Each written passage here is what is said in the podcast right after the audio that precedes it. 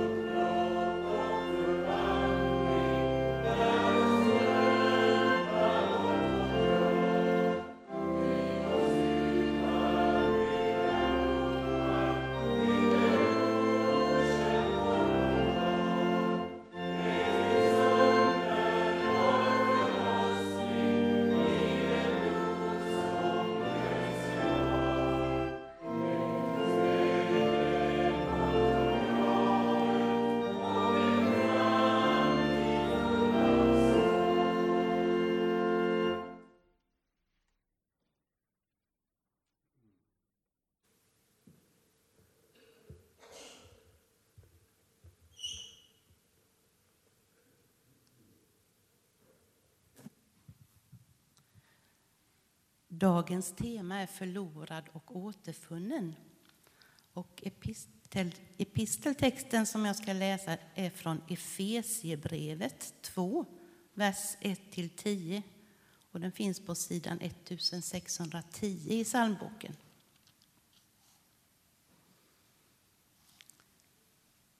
Ni var döda genom era överträdelser och synder den gång ni levde i dem på denna tidens och världens vis och lät er ledas av fusten över luftens rike, över den andemakt som nu är verksam i olydnadens människor. Sådana var vi alla en gång då vi följde våra mänskliga begär och handlade som kroppen och våra egna tankar ville. Och av födseln var vi vredens barn, vi som de andra. Men Gud, som är rik på barmhärtighet, har älskat oss med så stor kärlek att fast vi var döda genom våra överträdelser har han gjort oss levande tillsammans med Kristus.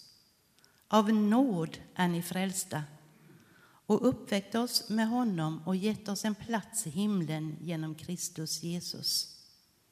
Därmed ville han för kommande tider visa den överväldigande rika nåden i sin godhet mot oss genom Kristus Jesus. Ty av nåd är ni frälsta genom tron, inte av er själva. Guds gåva är det. Det beror inte på gärningar. Ingen ska kunna berömma sig. Vi är hans verk, skapade genom Kristus Jesus till att göra de goda gärningar som Gud från början har bestämt oss till. När vi sjunger nästa psalm här, 289, så kan vi också ta upp kollekt genom Swish. Eller om man vill lägga kontanter så gör man det när man går ut i boxarna. Nu ber vi för gåvorna. Gud, vi tackar för våra möjligheter att ge till ditt verk. Vi ber om välsignelse över gåvorna och vishet att förvalta dem för ditt verk här på jorden. Amen.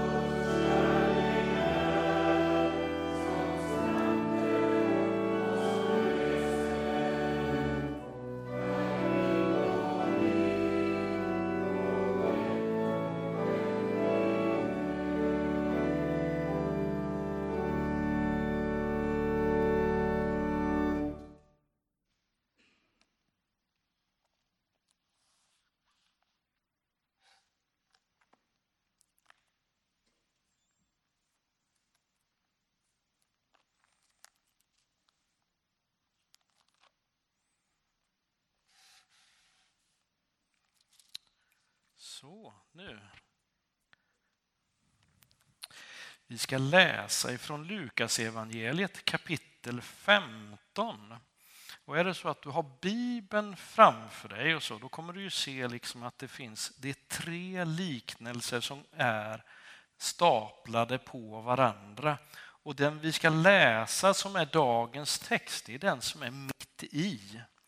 Så vi läser ifrån eh, Lukas 15, vers 8 till och med 10.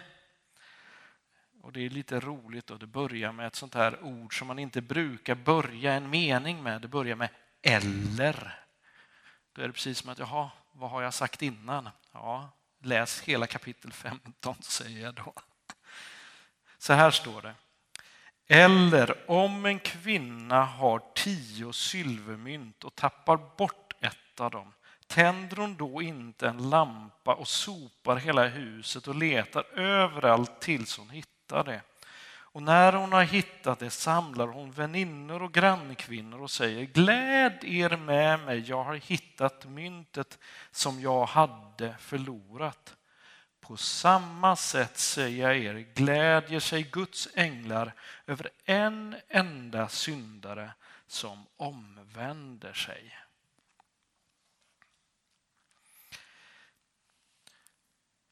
I Lukas 15 så är det så här att det är, är en, allting börjar med en kritik som Jesus får av, av fariseerna. Och det står så här i början, i första versen, så här. Alla tullindrivare och syndare sökte sig till Jesus för att, för att höra honom. Fariséerna och de skriftlärda förargade sig och sa den mannen umgås med syndare och äter med dem. Det här var liksom inledningen. Och som ett svar på det som eh, fariseerna säger så ger Jesus dem tre liknelser. Och det är då liknelsen om mannen som hade hundra får som han vallade och när han räknade dem på kvällen så hittade han bara 99. Alltså han hade ett saknat får som han letade efter och återfann. Och sen är det liknelsen om den här kvinnan som hade tio silvermynt. Men hon hade, hittade bara nio och sen letade hon efter det tionde och när hon hittade det så blev hon så glad att hon eh, gjorde den här festen. Och sen den sista är liknelsen om det förlorade sonen eller som man skulle kunna säga liknelsen om de förlorade sönerna. För att det är där som det finns en liten, en liten hint till fariseerna också. Fariseerna och de skriftlärda, de förargade sig över Jesus, över hur han gjorde, hur han levde.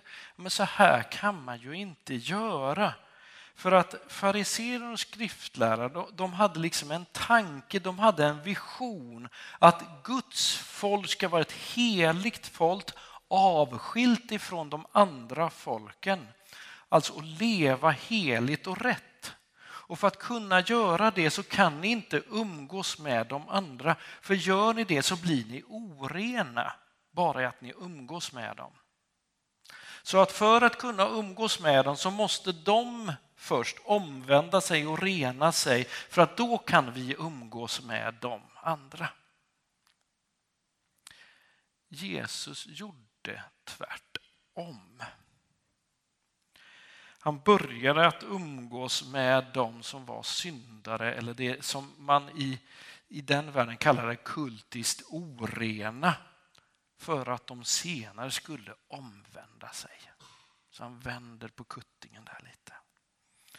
Och alla tre liknelserna tjänar ju då som ett svar på den här kritiken som han får och illustrerar varför Jesus umgicks med syndare. Och liknelsen är ju på ett sätt överdrivna för att poängtera det som är det viktiga. Från det lilla till det stora. Det är, alltså, det är inte så vanligt även i den situationen där att ja, men du har dina hundra får, ja, du tappar bort det, du letar efter det, sen tar du med dig det hem. Men det är inte vanligt att du ställer till en stor fest. Och likadant för kvinnan, där. det är inte så vanligt att du ställer till den där stora festen. Men Jesus vill liksom dra på det här och säga att det här, det här är så viktigt och att det är en stor glädje i det som händer. För vad står det då i eh, de här tre liknelserna i slutet? Vi tar de där korta verserna. I slutet när, när Eh, Jesus talar om mannen med de här hundra fåren och står det så här. När han kommer hem samlar han sina vänner och grannar säger till dem Gläd er med mig, jag har hittat fåret som jag hade förlorat. Jag säger er, på samma sätt blir det större glädje i himlen över en enda syndare som omvänder sig än över 99 rättfärdiga som inte behöver omvända sig. Och kvinnan, och när hon har hittat det samlar hon väninnor och grannkvinnor och säger Gläd er med mig, jag har hittat myntet som jag hade förlorat. På samma sätt säger jag er, gläder sig Guds änglar över en enda syndare som omvänder sig. Och sen i den tredje liknelsen om den förlorade sonen eller förlorade sönerna, vilket man nu vill använda för ord, står det lite annorlunda. Men det står i slutet så här. Men nu måste vi hålla fest och vara glada. För din bror var död och lever igen. Han var förlorad och är återfunnen. Kom igen, gläd er med mig. Och det är återfinnandets glädje som är det stora. En glädje över att människor av egen fri vilja omvänder sig och kommer till Gud. Alltså byter en livsväg och säger nej men, nej, men nu vänder jag och så säger jag Gud, jag vill gå med dig.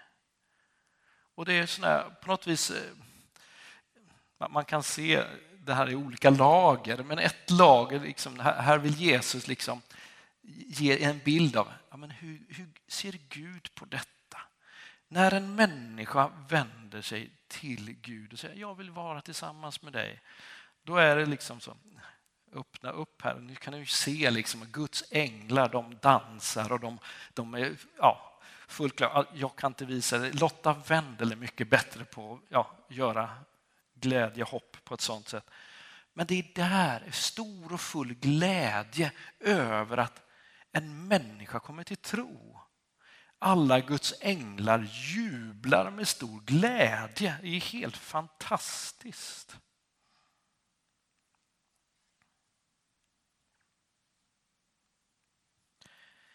Det vill liknelserna visa, den här stora glädjen.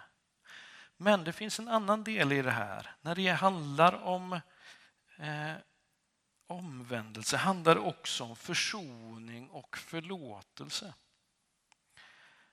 Meningen med Jesu död, som vi firar idag med nattvarden, uttrycks i Nya testamentet med hjälp av olika bilder från olika områden i livet. Lite grann för att man ska kunna få igenkänning från sitt eget. Somliga bilder kommer från templet och det som är kulten. Andra från slavmarknaden, andra från domstolen och andra från det sociala livet. Termen försoning kommer ifrån det sociala livet. Och försoning betyder förlikning mellan parter som kommit i konflikt med varandra. En förändring från ovänskap till vänskap. Och I Nya testamentet används bilden om hur en ursprunglig gemenskap med Gud blivit bruten men återupprättats genom Jesus Kristus. Där har vi grunden i hela evangeliet. Sen, sen, kan man ju ställa sig frågan varför har Lukas då som författare med de här liknelserna i sin berättelse om Jesus? Ge, Lukas som vill visa till de, de som inte har tillhört den judiska myllan hela tiden utan vill tala till dem som är utanför de här ramarna. Varför har han med de här? Jag har en fundering och ett svar skulle kunna vara så här. Det är så här att Lukas är ju en medarbetare till Paulus. Och när man läser i Apostlagärningarna så kan man se att Paulus är tillsammans med Lukas och, eh, och de arbetar för att få ut budskapet om Jesus till de som inte är judar av ursprung. Och när de kristna judarna i församlingens första tid mötte de kristna som inte var judar så uppstod det problem på grund av kultur. De kristna judarna tyckte att ja, men det måste ju, de nya kristna måste göra det här också. Alltså, man ville sätta upp nya regler för, för de som kom till tro. Det är ungefär som att det räckte inte med att man säger jag tror på Jesus Kristus som min Herre och Frälsare och då blir jag frälst. Så enkelt är det ju. Men de ville sätta upp några fler ramar eftersom de hade sin kultur ifrån den judiska bakgrunden. Men det fick de höra på och jobba med. Och där kan man se hela det här femtonde kapitlet om liknelserna blir ett inlägg i den debatten som fanns i den första församlingen. Men vad kan det här säga oss idag? Det jag vill göra är att ta fram två saker. Vi kan som församling och vi kan som enskilda människor hålla på med många olika saker. Eh, vi jobbar med att det ska finnas sång och musik på våra gudstjänster. Det ska finnas predikanter som predikar. Vi ordnar bra samlingar för de små barnen i söndags. Vi har goda samlingar med miniscout och scout. Och vi har bra samlingar för tonår och vi har väl genomtänkta RPG-samlingar och så vidare av allt det här som finns. Ja, ni, ni vet ju det. Men ibland kan det vara så att vi mitt i allt det här, när vi kommer, ja men nu måste vi ha den här programpunkten, vi måste göra det här och vi måste göra det här. Att vi ibland missar varför vi gör det hela. Vi kan missa det här att vi vill att människor ska komma till tro. Vi vill att människor ska...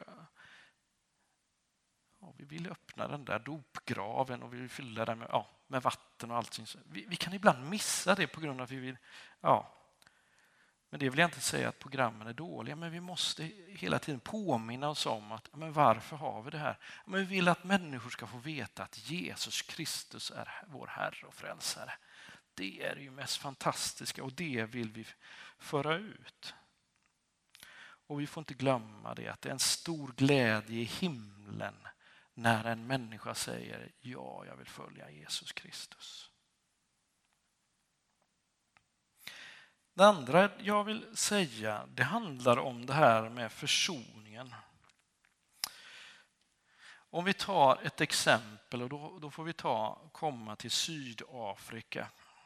Försoningskommissionen i Sydafrika ger oss en hjälp på traven. Bestraffning var inte huvudsaken när det gäller försoningskommissionen utan det viktiga var sanningen och förlåtelse. Förlåtelse sker inte på bekostnad av sanningen. En försoningsprocess mellan två parter förutsätter att sanningen kommer i dagen. Det kräver att den förorättade parten konfronteras med förövaren och att denne ställs öga mot öga med offret så att förövaren blir identifierad som brottsling och erkänner sin kränkning. Men det räcker inte med det. Försoning och förlikning förutsätter också att den förorättade förlåter och försonar sig med vad som skett och med den som förorättat. Är ni med på de där två parterna? Mm. det kostar att göra det. För det kan vara så att nej, jag vägrar, jag kommer alltid hålla detta emot den personen. Då är det ett låsläge.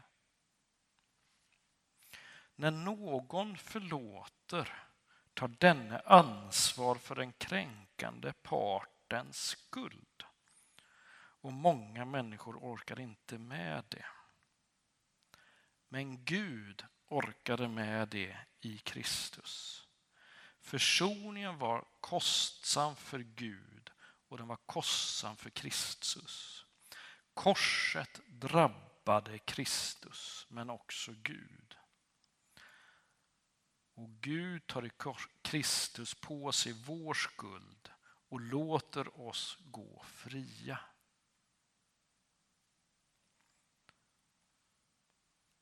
Så två saker vill jag, om ni inte tar med er något annat, så ta med er det. Gläd dig över en människa som kommer till tro. Glöm inte att ha det i huvudet varje gång vi gör någonting, att det är viktigt att komma ihåg en människas omvändelse. Men kom också ihåg försoningen, försoningens två parter och att Gud har gjort allt för dig i försoningen. Han har tagit på sig din skuld för sin skull. Vi ber. Tack Jesus Kristus för att du vill att vi ska leva i försoning. Tack Jesus Kristus att du är nära. Tack att när en människa säger att den vill följa dig, att då glädjer sig hela himlen. Tack Jesus Kristus för det, Herre Jesus. Tack att vi får ha dig i vår närhet. Tack att du finns här tillsammans med oss. Amen. Nu sjunger vi tillsammans salmen 231.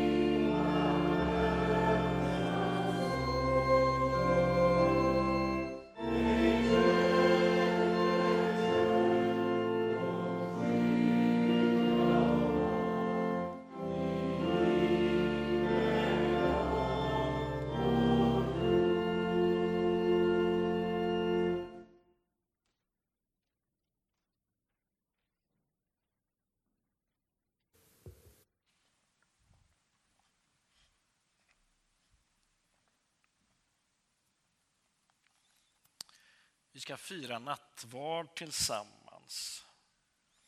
Och nattvarden handlar ju om, på ett sätt, det handlar om ett möte mellan dig och Jesus Kristus. Så när du kommer fram till nattvardstjänarna så erbjuder de ett möte mellan dig och Jesus. Och nattvardsbordet står öppet här för alla som vill söka sig närmare Jesus Kristus och dela gemenskapen med honom och med oss andra här.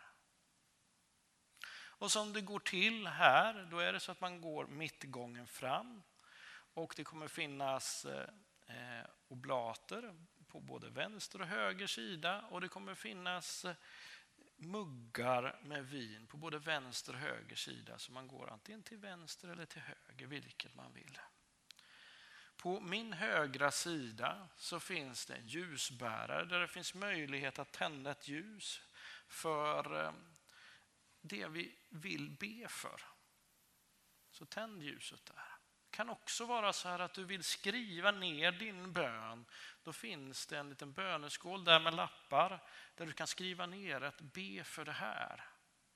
Vill du att jag läser upp det i gudstjänsten så låt lappen vara ovikt. Vill du inte att jag läser upp den så vik ihop den. Och sen har vi den här gången här tills vi är klara. Till nattvarden så kommer vi inte för att vi måste utan för att vi får. Det är en möjlighet. Inte för att vi är felfria utan för att vi är älskade av Gud. Inte för att vi är färdiga utan för att vi söker. Vi kommer för att vi behöver gemenskap med varandra och med Gud.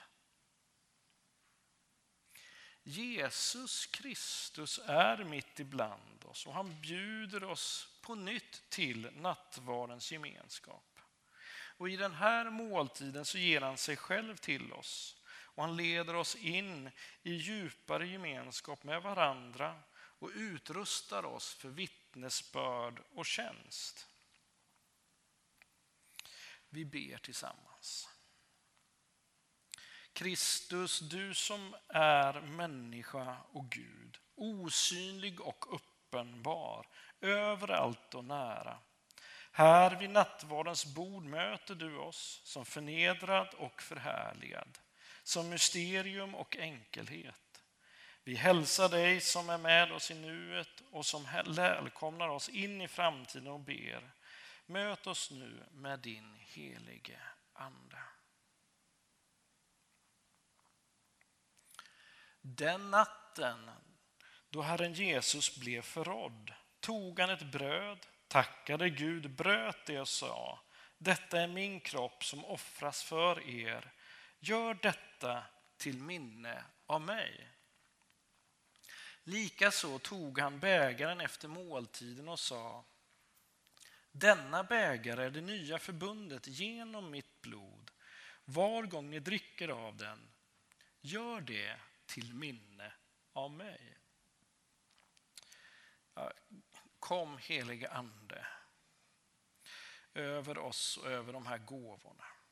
Öppna våra sinnen så att vi kan ana vem du är, vilka vi är i dig och att det är gemenskap med dig som vi blir hela. Låt oss be tillsammans Herrens bön vår Fader. Vår Fader, du som är i himlen. Låt ditt namn bli helgat. Låt ditt rike komma. Låt din vilja ske på jorden så som i himlen. Ge oss idag det bröd vi behöver och förlåt oss våra skulder, liksom vi har förlåtit dem som står i skuld till oss och utsätt oss inte för prövning, utan rädda oss från det onda. Ditt är riket, din är makten och äran i evighet. Amen. Bägaren som vi välsignar ger oss gemenskap med Kristi blod.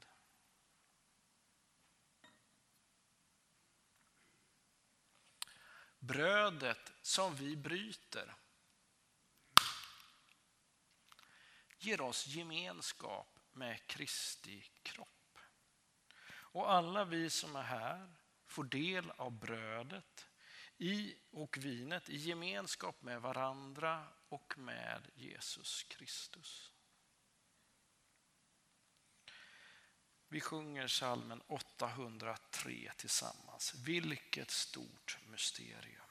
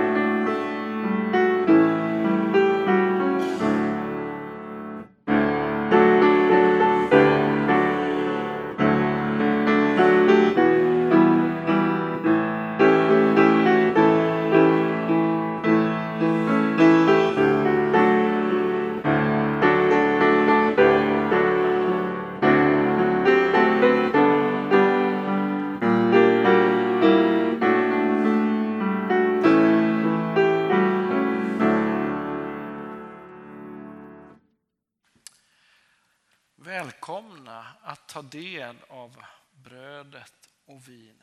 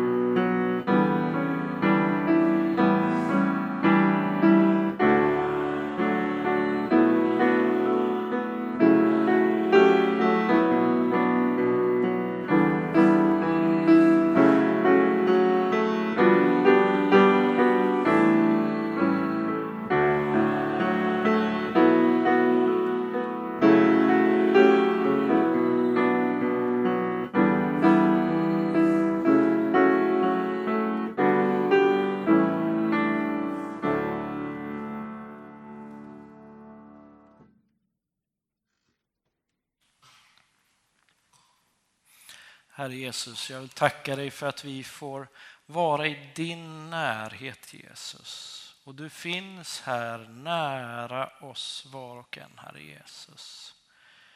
Och på ett sätt så kan du och jag som människor bestämma hur nära vi vill vara dig Gud. Om vi vill öppna oss för dig så finns du där hela tiden. Tack Jesus Kristus för att du finns här Jesus. Jag vill be för dem eh, ljus som är tända, Herre Jesus. Du ser vad var och en som har tänt de här ljusen har, har tänkt i bön till dig, Herre Jesus. Jag ber att du ska komma till de situationerna och till de människorna som de här ljusen brinner för. Jag ber att du ska komma med helande, du ska komma med kraft, Herre Jesus. Upprättelse, det ber jag om Jesus. Amen. Vi har ett par bönämnen som vi ska be tillsammans så här. Linda. Ja, jag satt här i bänken innan och tänkte att eh, vi sjunger i denna ljuva sommartid och det är ju fantastiskt eh, att få vara i denna ljuva sommartid. Men allt runt oss i våra liv och allt runt oss är ju inte alltid så ljuvligt. Eh, utan det kan vara saker vi kämpar med och saker vi går igenom, vi oroar oss. Och jag vill be att, jag vill att vi ska be för um, de människor som kämpar i sommar med olika saker. Att få en tro, ett hopp om att Gud är större än alla situationer vi hamnar i. Um, och jag tänker särskilt både på saker här, men det jag vill lyfta fram och önska att vi ber tillsammans för. Um, det är en familj på Vrånge som eh, för en vecka sedan så ramlade mannen ner och dog. Eh, han, fyllde, han skulle fyllt 40 nästa lördag eh, på sitt jobb, oförklarligt. Så att eh, det är fru och det är två barn, 13 och 11, som eh, är mitt i något slags vakuum just nu och så släktingar och vänner och alltihopa. Eh, och det är bara en sak. Men jag vill att vi ber för Susanne och för familjen. Eh, allt de ska gå igenom, allt de ska bearbeta. Men också det som finns här, som stora och små saker som vi kämpar med varje dag. Att Gud är större. Mm. Och att han vill hjälpa i varje situation. Vi börjar med att be för Susanne och familjen där. Ja, Herre Jesus. Det är så mycket som vi inte förstår, Herre. Men tack för att du är större än allt. Eh, all vår oro, all vår otro eller vad det är nu vi bär på, Herre. Du ser just nu Susanne, vi ser barnen, du ser föräldrar och syskon, Herre. Alla runt Håkan här nu. Eh, och du ser deras sorg, förvirring, chock. De, jag vet inte ens vad de är just nu, Herre. Men jag ber att du lyfter och bär. Att du talar till dem, att du omsluter dem, att du sänder människor till dem som kan uppmuntra dem och som kan stötta och hjälpa dem på olika sätt. Eh, du ser att kompisen också är i chock runt om här och inte riktigt vet hur de ska, hur de ska tänka och känna, Herre. Men tack för att du har dem här i din hand, Jesus. Och tack för att vi som finns här är i din hand med stora problem och små problem. Och tack för att du ser oss, Herre, även om vi inte alltid känner det så vill jag att du ingjuter ljus och hopp och tro i varenda liv här inne nu, Jesus. Eh, även om det situationer vi möter inte alltid är så enkla, Herre. Tack för din omsorg och tack för att vi får tacka dig varje dag för det som är bra, Herre. För det som är ljust, för sommaren som är ljuvlig, Herre. Och tack för att vi får lägga ner våra liv inför dina fötter varje dag och vandra med dig. Hålla dig i handen varenda dag. Vi ber att du förändrar situationer eh, ja, som är tuffa, Herre, och vänder dem till något ljust och hoppfullt, Herre. Vi ber om det i Jesu namn. Amen. Jag ska be för en man som drabbats av cancer. Eh, och be för honom att eh, den här svåra cancern att den ska lätta.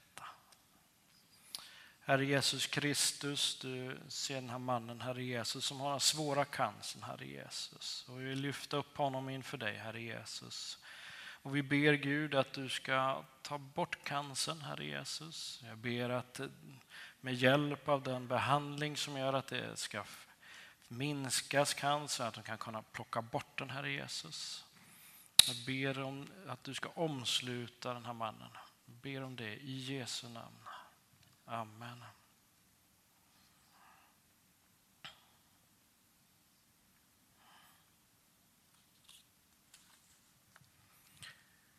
Så ta emot Herrens välsignelse. Så Herren välsigne dig och bevare dig. Herren låter sitt ansikte lysa över dig och vara dig nådig. Herren vänder sitt ansikte till dig och ger dig av sin frid. I Faderns och Sonens och den helige Andes namn. Amen. Alldeles strax så sjunger vi en, en sista psalm här tillsammans innan vi går vidare till gemenskapen vid kaffe, te och saftborden. Men innan dess så är det bara en liten påminnelse till oss. Det är församlingsdag den 27 augusti. Anmäl dig till den. Och här kommer en hälsning från Daniel Åkerblad som kommer att vara med på den här samlingen. Hej alla goda människor i Taberg.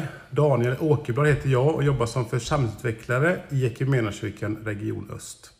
Den här våren har jag haft glädjen att få påbörja en resa tillsammans med er styrelse och Tro och Liv Eh, kring just er framtid som församling. Och det har varit spännande samtal och det känns väldigt kul för mig att få komma till er tillsammansdag nu som är på Mullsjö folkhögskola den 27 augusti. Eh, det kommer bli en jättebra dag för alla åldrar. Jag kommer hålla i två pass. Vi kommer ha mycket gemenskap, dela tankar, eh, få lyssna på varandra och framförallt också lyssna på Gud.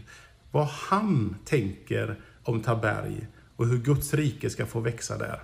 Så anmäl dig till Tillsammansdagen den 27 augusti. Sista anmälan är 14 augusti, men anmäl dig nu. Hoppas vi ses. Hej! Och för den som undrar hur man gör det, det får alltid mejla mig eller så går man ut där och skriver upp sig. Det är väldigt enkelt så. Men nu avslutar vi gudstjänsten här med att sjunga psalm 596, Som när ett barn kommer hem om kvällen.